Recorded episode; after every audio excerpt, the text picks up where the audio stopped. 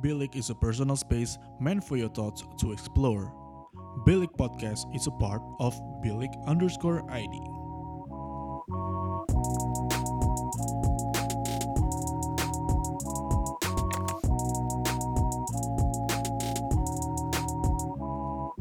Bilik, your thoughts matter.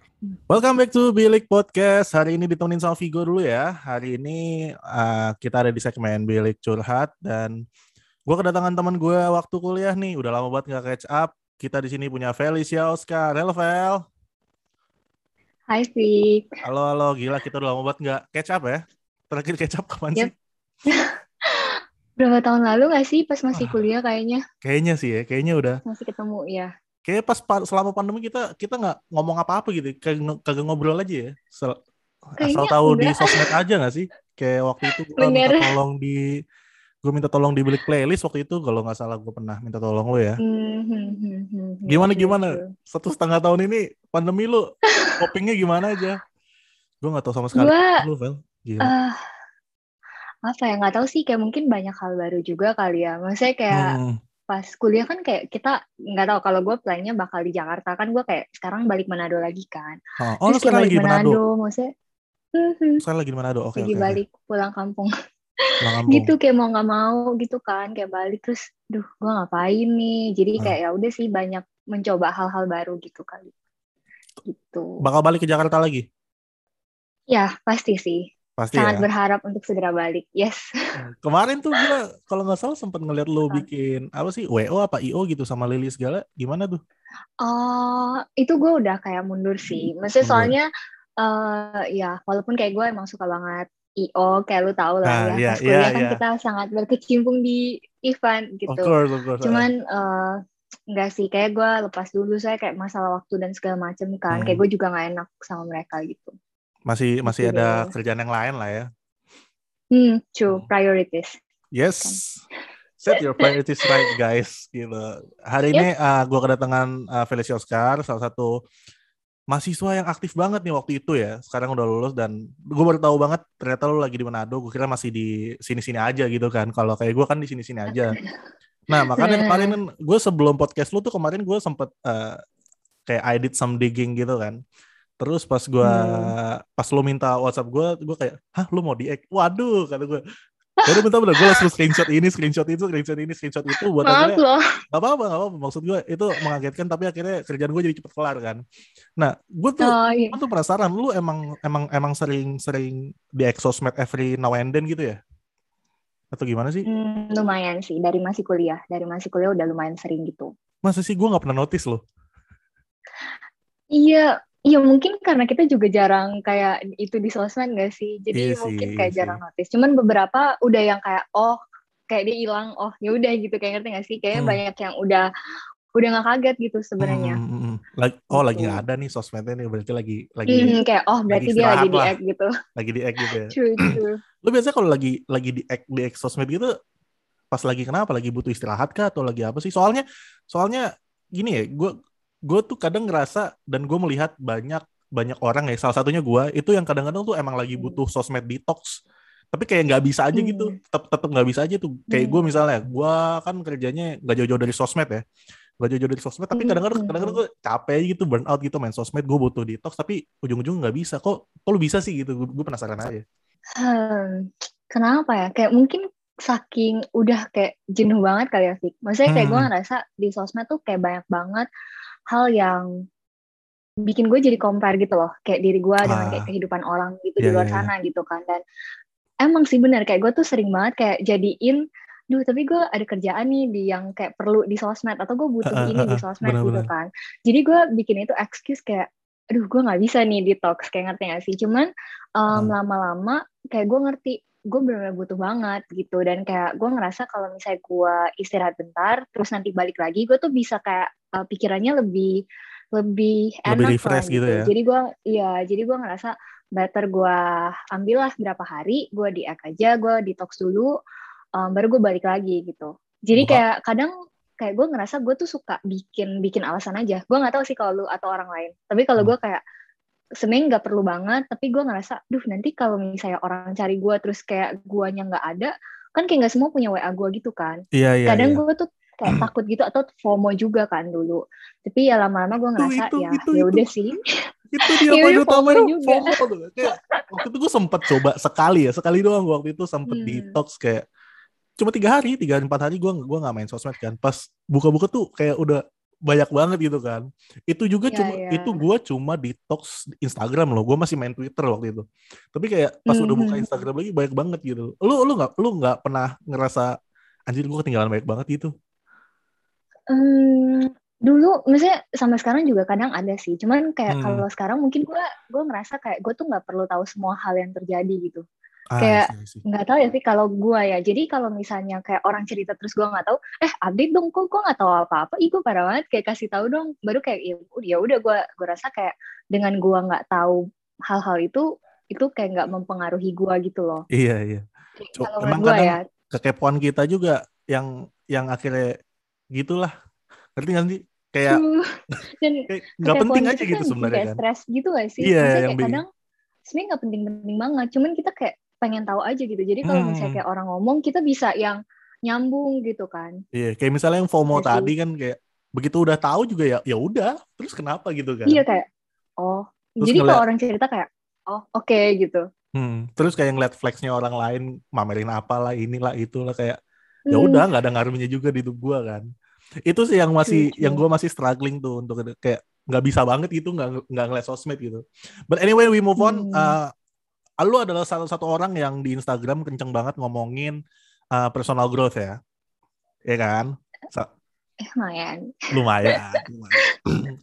ya maksudnya ya maksudnya nggak nggak fully fokus di situ. Cuma kan salah satu konten yang jadi niche utama lu kan adalah uh, personal growth ya kalau kita ngomongin Hmm, uh, hmm. apa yang lu taruh di Instagram lu. Nah if we're Hmm. talking about personal growth gue mau recall nih. Gue mau recall ke salah satu uh, apa salah satu momen yang mungkin jadi highlight paling gede lu nih di kuliahan nih Ambassadors of UPH 2017 ya Vel ya? Oh, 18 sih? 17 iya iya. Ya 17 2017 17 itu lu masuk ke top 6 benar? Yep. Top 6 true. Moreover, terus uh, lu menang di uh, Ambassadors favorit kan. Nah dari situ gue berasumsi bahwa artinya lu di situ mendapatkan recognition, recognition yang lu dapat dari orang-orang di sekitar lu, mulai dari penonton, mulai dari ambassadors yang lain mungkin ya. Correct me if I'm wrong. Hmm. Tapi gue gua gua merasa lu mendapatkan recognition di situ dan uh, pastinya orang-orang yang yang ngelihat lu sebagai ambassador terfavorit akhirnya uh, dia mem- mereka memiliki suatu ekspektasi tertentu terhadap lu sebagai ambassador kan. Nah, waktu itu tuh Hmm. pas lu dikasih nih lu ambassador favorit lu rasanya gimana tuh? Recall-nya dulu Gua- kita throwback nih. gue sebenernya kaget sih karena jujur ya Fik, kayak gue tuh Hmm. awal pas audisi gitu audisinya lumayan susah gitu kan Hmm. karena ah, nggak tahu bahkan gue audisi gue nangis weh kayak gue bener-bener Oh, serius lu? nggak gue serius karena gue Wah. tuh dulu bukan tipe orang yang bisa ikut competition atau kayak ikut yang kayak gitulah ngerti gak sih? ah, Terus ah, kan itu kayak audisinya kita ngomong depan juri kayak gue tuh bukan tipe orang yang bisa ketemu orang lain dan kayak bisa ngomong gitu kan. Mhm. Terus habis itu em, pas Ambassadors of UPH itu pas audisinya gue nggak bisa jawab. Maksudnya kayak gue bisa jawab tapi it- it's too personal for me gitu. Mhm. Jadi kayak bener berat banget dan gue tuh sampai bilang ke teman gue yang lu juga tahu sebenarnya orangnya siapa gue bilang kayak gue nggak bakal lolos deh kayak ngerti gak sih? Nah terus habis Hmm. itu dengan segala training kayak gue ketemu orang-orang hebat gitu loh. Maksudnya di situ kan kita kelasnya bukan cuma perform doang kan sih. Yes, Kayak kita yes, juga yes. belajar kayak uh, di apa FGD dan segala macam gitu. Gue pas dengar mereka ngomong kayak gila topiknya berat banget kayak gue nggak ngerti gitu mereka bisa Bahasanya ngomongin tinggi-tinggi politik lah, gitu ya. Tiba-tiba iya terus gue kayak gue ngapain coba di sini gitu kan. Ah. Terus habis itu um, pas dipanggil top 12 aja gue tuh bener shock. Kayak karena gue nggak pernah, kita tuh sempat ditanya kan gitu kayak lu bisa gak sih kayak bilang diri lu tuh pemenang. Terus gue tuh jawab gini waktu gue nggak bakal lupa karena gue bilang bisa karena menurut Hmm. gue kayak even gue nggak juara satu, gue tuh ke sini buat belajar gitu loh. Dan kayak this is beyond my expectation gitu untuk sampai ada di titik ini gitu kan. Oh, Jadi cool. Oke. gue gue bilang kayak ya sekarang tuh gue udah menang gitu loh karena gue mendapatkan sesuatu yang lebih, maksudnya lebih dari apa yang gue juga um, pengen gitu dari sini which is belajar juga gitu kan terus habis itu ke top 6 ke favorite karena setahu gue gue bukan favorite gitu Fit Hmm. kalau misalnya cuman based on kayak angka likes-nya tuh setahu gue gue bukan favorite gitu kayak Oke, misalnya oke, kita oke. kayak gue tahu ad- ada lah yang lebih tinggi dari gue gitu kan Hmm. tapi ternyata misalnya ada perhitungan lain juga yang kayak akhirnya dipilih jadi gue yang gue sebenarnya bingung juga sih. Karena kayak unlike uh, some of my friends gue nggak mempromosikan eh buat orang vote gue kayak ngerti gak sih? Iya iya iya. gue tuh Kalem-kalem coba aja gitu ya? gue gitu. Ya kayak gue karena gue ngerasa oh ya udah itu kayak gue nggak nggak mengejar itu gitu loh. Kayak mungkin ini gue terdengar sangat naif atau polos atau gimana tapi gue bener yang kayak ya udah bahkan orang yang chat gue gitu loh kayak Vel bagi dong poster lu. Terus gue kayak oh lu mau share oh ya udah ini gitu kayak ngerti gak sih kayak teman-teman gue tuh ada yang sampai chat satu-satu loh Hmm. ada gitu tapi ya gue kayak nggak jadi kalau misalnya ditanya rasanya apa ya gue kaget gitu sih karena gue emang nggak expect dan kayak berharap ke sana gitu Tapi berarti eh kalau tadi lu bilang lu nggak mengincar juara satu dan segala macamnya, tujuan lu utama berarti murni belajar aja gitu ya. Is that what you, Hmm, what you hmm, really hmm. aim for? Terus lu mendapatkan keberaniannya dari mana tuh akhirnya daftar Ambassadors of UPH tuh? Kan lu orang tadi Itu tadi, bilang kayak- lu nggak nggak nggak kompetitif banget gitu lah ya. Hmm. Hmm. Terus gimana tuh? itu gue tarik ke pas gue SMA kali kelas satu jadi gini pas gue SMP gue tuh tipe anak yang rebel gitu gue tipe anak yang kayak di kantor kepala sekolah gue ini gue nggak bohong kayak Ya, gue ya. tipe orang yang tukang bully gitu loh Em, terus habis Langganan itu BP ya? pindah ke Iya betul langganan. Bahkan gue gue sama teman-teman gue pernah bikin guru BP kita tuh dipecat. Kayak Oh, ini gue nggak bohong. Kayak Oh. bukan. Maksudnya nggak secara langsung karena kita tapi kayak kayak I know karena kita do Hmm. something gitu sampai akhirnya nih, nih guru yang super baik dipecat gitu. Kayak maksudnya dipindahin gitu kan. Nah gue tipe yang kayak gitu. Terus gue pindah ke SMA yang strict banget Hmm, kayak hmm, bener-bener hmm. yang kayak banyak banget PR-nya sedangkan gue pas SMP tuh kayak nggak pernah belajar nggak pernah bikin PR gitu kayak ya ya udah lulus lulus aja gitu kan terus SMA gue tuh bilang ke guru gue karena berat banget kan dan pulangnya juga sore terus udah pulang tugas terus gitu tugasnya yang susah lagi kayak project gitu loh bukan yang kayak Ah. cuma nulis gitu kan Iya iya. terus gue bilang ke guru gue kayak e, sir kayaknya saya nggak kuat deh di sini kayak saya tuh pengen pindah gitu terus guru gue tuh bilang gini dan ini pasti lu familiar deh Fik. kalau anak UPH tuh pasti familiar dia bilang gini "Em, kamu tahu diamond karena berlian gitu dia bilang terus kayak oh iya terus dia bilang kamu tahu nggak Iya, kalau iya, iya. buat jadi berlian itu eh, berlian tuh ditempa mati-matian gitu nah Iya, iya. mister tuh nggak bisa paksa kamu untuk stay di sekolah ini tapi pilihan pilihannya ada di kamu. Kamu mau jadi berlian yang harus kayak ditempa gitu dan melewati segala tekanan atau kamu mau jadi batu biasa aja di luar sana. Terus gue kayak kalimat itu gue selalu pegang sih mulai saat itu. Karena gue jadi reflect banget kayak iya benar juga ya gitu.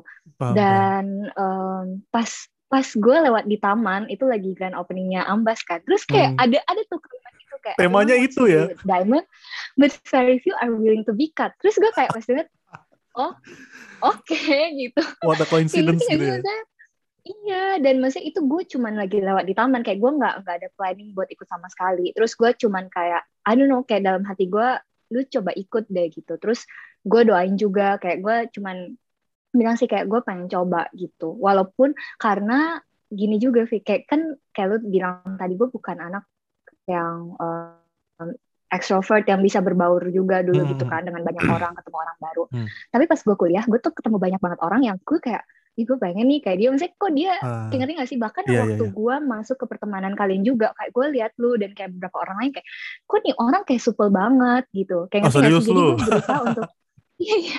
Jadi kan ketemu lu tuh di tahun-tahun masih awal gak sih? Iya masih awal lah. Kayak di pertemanan itu kan masih awal-awal kan. Iya, gue tuh iya. kayak lihat, duh kayak nih orang kok supel banget ya. Kayak gimana ya caranya dia bisa kayak berbaur gitu loh. Jadi dan karena gue orangnya juga observan gitu, jadi gue observe kayak oh dia Hmm. tuh kalau ketemu orang dia gimana ya approach orangnya kayak ngerti gak sih? Jadi Iya iya. em gue walaupun gue tahu itu bukan kayak kelebihan gue tapi gue pengen gitu jadi gue kayak ya udah pelan-pelan gue belajar walaupun mungkin em, dulunya gue nggak di situ gitu Ah, see. Ah, berarti kalau misalnya dari kita tarik lagi ke pers- personal growth ya, dari Ambassadors of UPH itu dari itu aja, eh segede apa sih impactnya ke lu secara personal growth gitu? gede banget sih Gede kayak, banget ya. kayak eh, gede banget kayak gue rasa kalau gue nggak ikut itu waktu itu Hmm.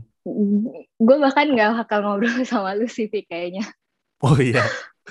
bisa jadi sih, bisa jadi. serius Tapi kalau misalnya itu temanya nggak nggak nggak secara kebetulan sama sama yang guru lo bilang waktu SMA, kira-kira lo ikut gak? kayak enggak Kayaknya enggak ya. kayak enggak ya tapi tergantung sih maksudnya mungkin tergantung kayak mereka uh, inginnya ke mana juga kan gitu Ah. karena em, sejak guru gue bilang gitu gue tuh kayak gue menyadari gue em, jadi bukan obses ya tapi gue tertarik banget sama yang namanya belajar gitu Hmm, yes, yes, jadi yes. yang kayak em, progress gitu kan jadi ya depends tapi Hmm. jujur emang kalimat itu yang paling catchy sih buat gue Hmm. Gue pernah tuh uh, sempet consider apa gue ikut coba ikut AOU ya. Coba. Hmm. Enggak lah, gue nggak mau, gue nggak mau bermuka baik di depan orang-orang lain gitu. Gue gue nggak ngerasa bisa menjadi orang yang menjadi teladan sih. Jadi makanya gue tarik mundur keputusan gue. Tapi kita uh, moving on ya. Gue pengen, Hmm. lo gue pengen ngebahas uh, salah satu uh, karya lo yang kemarin lo bikin di bulan-bulan Maret nih. Flourish with Valley. Oh Ya. ya apa kabar tuh running tiga episode terus habis itu gue menunggu apa tidak kepegang Iya. atau gimana lumayan sih kayak karena prioritas juga kali ya. Maksudnya Iya, iya, dulu bukan dulu tapi kayak itu kan juga sebenarnya gue pengen bikin podcast tuh udah lama. Iya terus akhirnya kan gue bikin. Tapi pas em, baru jalan itu, baru juga ya kayak lu bilang, baru tiga episode lagi semangat-semangatnya, eh, banyak banget tanggung jawab karena em, ini kan Hmm. gue tinggal sama orang tua gue juga. Terus gimana pun juga, gue harus mengikuti aturan dan keinginan di rumah juga gitu loh. Hmm. Um, dan lumayan banyak usaha baru yang kayak um, dibikinin juga sama orang tua dan kayak gue diharapin sebagai anak yang udah lulus gitu kan um, untuk kayak involve juga dan kebetulan Iya, iya. bisnisnya juga di makanan dan kayak gue Ah. juga kan jurusannya di perhotelan kan jadi emang gue harus take over itu terus juga maksudnya ada orderan kue dan segala macam so ya kayak maksudnya itu aja benar-benar udah nggak kepegang banget gitu sih. Hmm. Aduh. jadi em, lumayan kayak lumayan ke stop sih. Kayak maksudnya dan gue sebenarnya salut banget sih sama kayak lu dan juga orang-orang yang benar-benar bikin podcast dan jalan gitu. Karena kan kayak podcast lu harus nulis dulu lu harus susun lu harus kayak research dan segala macam juga gitu kan. Ah, benar-benar. jadi it's it's eh gila sih. Terus belum lagi editing dan segala macam itu kayak gue benar-benar salut sih. Kayak orang bisa jalanin itu dan kayak gue tahu lu aja banyak banget gak sih? Kayak aktivitas di lain juga waktu itu masih kuliah dan segala macam kan Iya, sekarang Gue lagi enggak sih kebetulan. tapi jalan gitu Hmm. gitu lah Ya, konsistensi emang harus dipaksain sih kadang-kadang ya. Tadi lu sempat singgung uh, gimana lu involve sebagai uh, anak yang udah lulus ya, anak yang udah lulus terus involve di usaha keluarga di bidang makanan. Aduh, mana makanan Mhm. Manado tuh pasti kan. Cakalang kangen gua, cakalang kantin UPH kan. Nah, wow lu di podcast lu tuh sempet cerita tentang uh, background family lu kan di Flourish Iya. with Valley which is your own Hmm. podcast gitu kan nah gue berasumsi bahwa lu kan ngangkat sesuatu yang sebenarnya uh, personal banget ya di situ ya personal banget di mana di mana uh, untuk mengangkat suatu masalah yang yang yang kayak gitu tuh misalnya kayak masalah keluarga kan personal banget dan nggak semua orang willing gitu untuk uh, ceritain masalah keluarga mereka kan gue rasa itu nggak Hmm. butuh butuh keberanian yang uh, besar sih keberanian yang besar dan itu bisa didapatkan kalau misalnya kita udah berdamai sama diri sendiri bener gak sih? true Iya ya. Nah, apakah lu membenarkan asumsi gua itu pertama? Terus yang kedua, kalau misalnya iya, berarti lu udah berdamai sama diri lu sendiri. Gimana prosesnya? gue setuju sih kayak maksudnya itu butuh emang berdamai dulu gitu sama diri kita sendiri gitu kan Hmm. prosesnya gimana ah, it's too long gitu maksudnya kayak gue I don't know kayak gue sampai konseling berkali-kali juga kayak kalau lu dengar podcast gue juga kan gue cerita em, kayak dulu gue kepahitan sama siapa terus gue Hmm. juga maksudnya kayak sampai coba bunuh diri dan segala macam gitu kan Hmm. it's kinda hard cuman em, ya itu sih gara-gara kayak konseling juga dan mungkin ini em, a bit spiritual juga tapi gue bersyukur banget pas gue kuliah ada momen kayak gue uh, encounter Tuhan gitu kayak maksudnya walaupun gue dari kecil Kristen tapi kayak that was the very first time kayak gue ngerasa connect sama Tuhan gitu loh dan Oh, it's a life changing moment sih gitu. Ah, exactly. Iya. Life changing moment. Terus terus. Uh, dan ya maksudnya kayak prosesnya kayak menurut gua kan orang kayak bilang lu kalau misalnya udah Kristen lu kenal Tuhan harusnya lu nggak punya kepahitan dan segala macam gitu which I think kayak it's still apa ya kayak it, it takes time lah gitu. Kayak nggak nggak mungkin gue the moment kayak 2017 gue ikut youth camp eh apa 2016 gue lupa sih. Tapi kayak the moment gue ikut youth camp gue ketemu Tuhan kayak gue langsung berubah. Kayak nggak mungkin gitu. Kayak hmm. bukan itu juga kan. Tapi um, pelan-pelan sih. Dan gue rasa dengan punya compassion sama diri kita juga kali ya. Maksudnya kayak kadang lu ngerasa nggak sih kayak lu gam lebih gampang untuk memahami orang lain daripada lu kayak memahami diri lu gitu loh. Oh, every time coy. Iya, iya kan. Maksudnya kayak lu berusaha untuk oh, nih orang kenapa sih gini sama gue? Tapi kita jarang gitu kayak mikirin gue kenapa ya bisa sampai kayak gini. Hmm. Jadi kayak menurut gue prosesnya tuh juga nggak enak. Maksudnya kayak kita tuh harus tahu gitu loh kesakitan terdalamnya kita tuh kenapa. Oke, gue marah kalau gue gue gampang ke trigger kalau gue kayak gini Kenapa? Oh karena dulu pas kecil gue pernah ditinggal, kayak gue pernah digini gini gini dan itu nggak nggak gampang gak sih kayak ngebuka lukanya kita gitu. Kayak untuk dan ini juga kayak kita kan kadang egonya gede. Ini menurut kalau gue ya kayak gue ngerasa hmm. ego gue tuh gede gitu. Jadi the moment gue ngerasa kayak, duh membuka kelemahan-kelemahan gue, kayak ngerti gak sih? It's nggak enak gitu loh kayak, duh, kayak being vulnerable in front of gitu people loh, gitu ya cu gitu. Yeah, yeah. Cuman ya yang gue percaya kalau kita terbuka itu kayak kunci dan awal dari kayak perubahannya kita gitu kan. Dan gue bersyukur banget gue dipertemukan dengan orang-orang yang um, ya kayak membantu gue juga gitu untuk terbuka dan uh, melihat gitulah sisi nggak enaknya gue. Hmm. Gitu. Seperti yang lo bilang di podcast lo sendiri ya, practice makes apa progress, not perfection, bener ya? Mm, yes. Itu lo dapet dari itu ya. gue dengerin kok podcast podcast lu.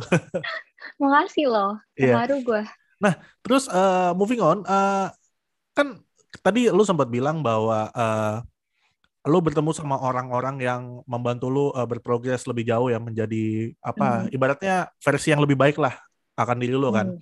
Seperti itu. Dan kadang-kadang dari dari podcast lu juga gue mendapatkan bahwa uh, sesuatu yang opini nih, opini dari lu yang sebenarnya agak kontradiktif dari popular opinion sebenarnya udah lu singgung juga tadi di mana kalau misalnya kita mau grow kita mau tumbuh kita harus dengerin kata orang itu yang lu bilang ya hmm. podcast ya yeah.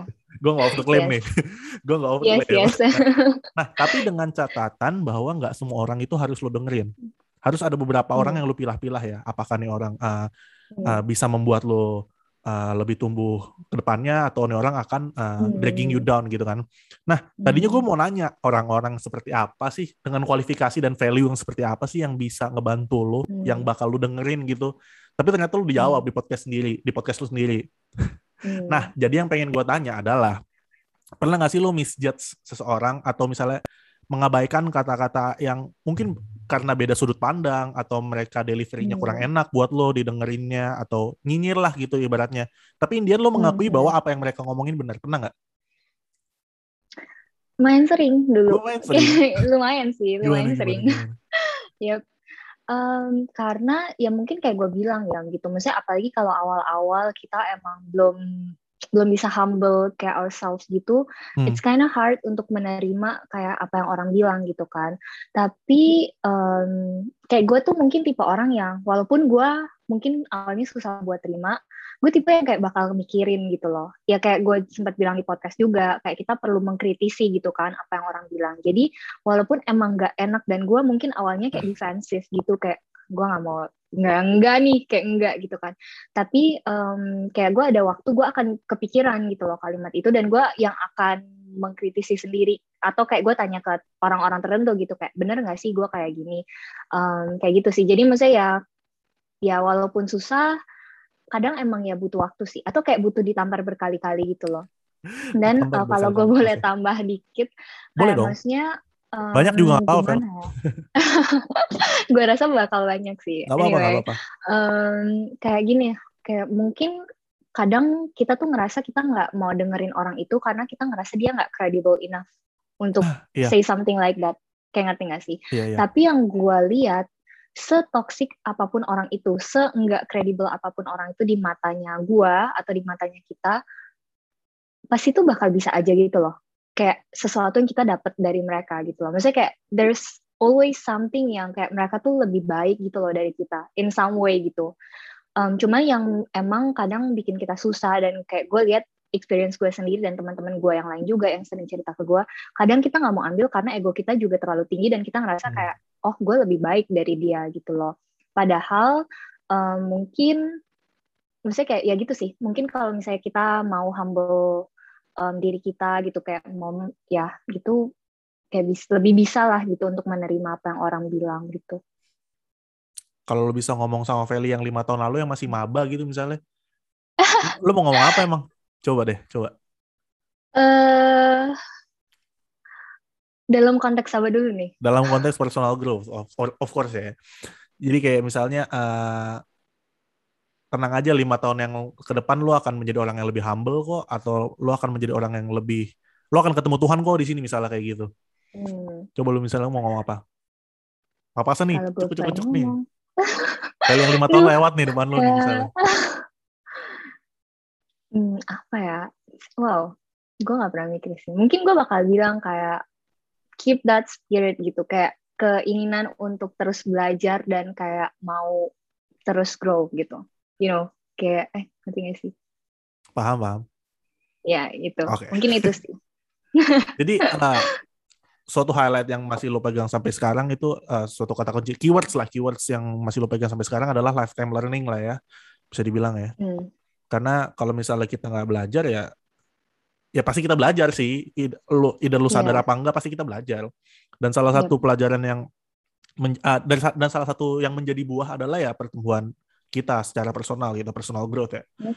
dari apa yang kita pelajari mau di mana kayak mau di kuliahan mau di hmm, masyarakat mau di SMA pun tadi SMP sama SMA lu juga cerita eh, lingkungannya beda banget kan. Dan adaptability juga merupakan suatu yang penting ya dari hmm. apa yang kita sebut dengan personal growth. Terakhir nih terakhir. Gue mah gak banyak banyak. Oke. apa banyak. Oke. gue mau tutup sama eh, pertanyaan yang pernah lu lempar sendiri di Instagram story lu Apa ya? ayo apa Apa nih? nih Apa nih?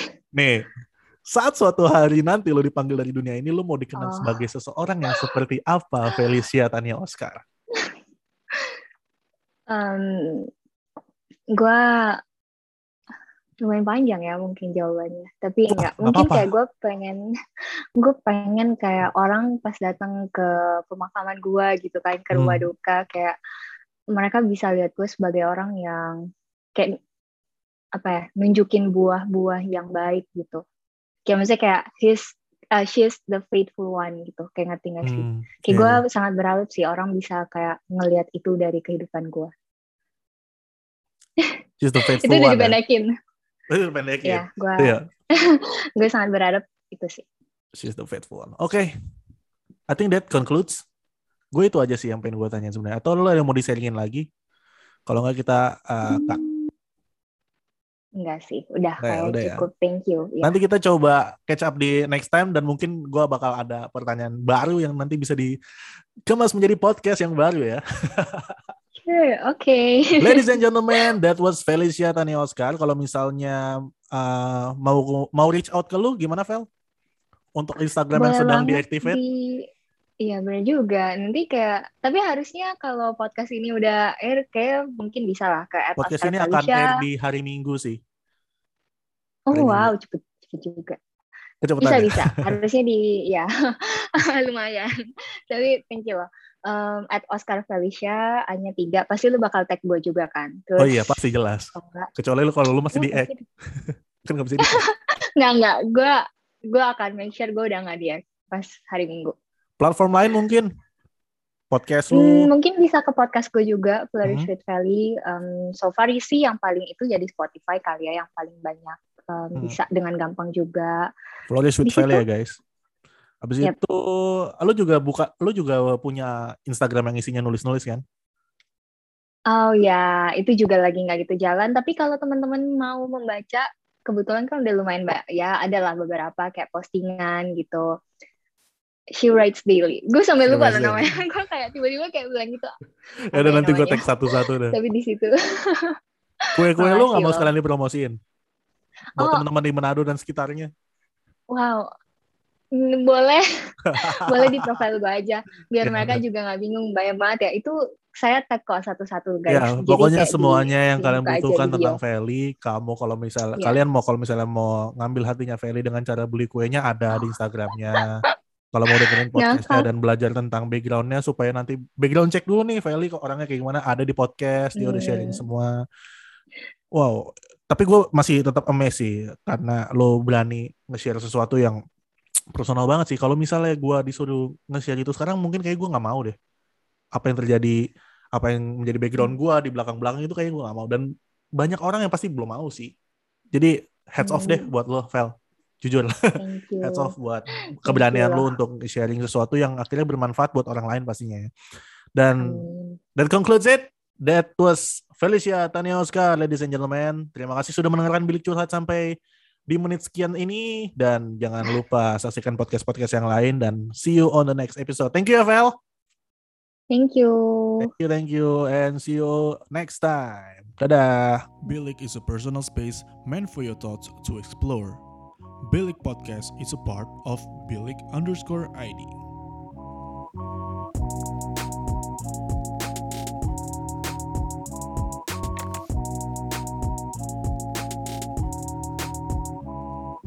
Bilik, your thoughts matter.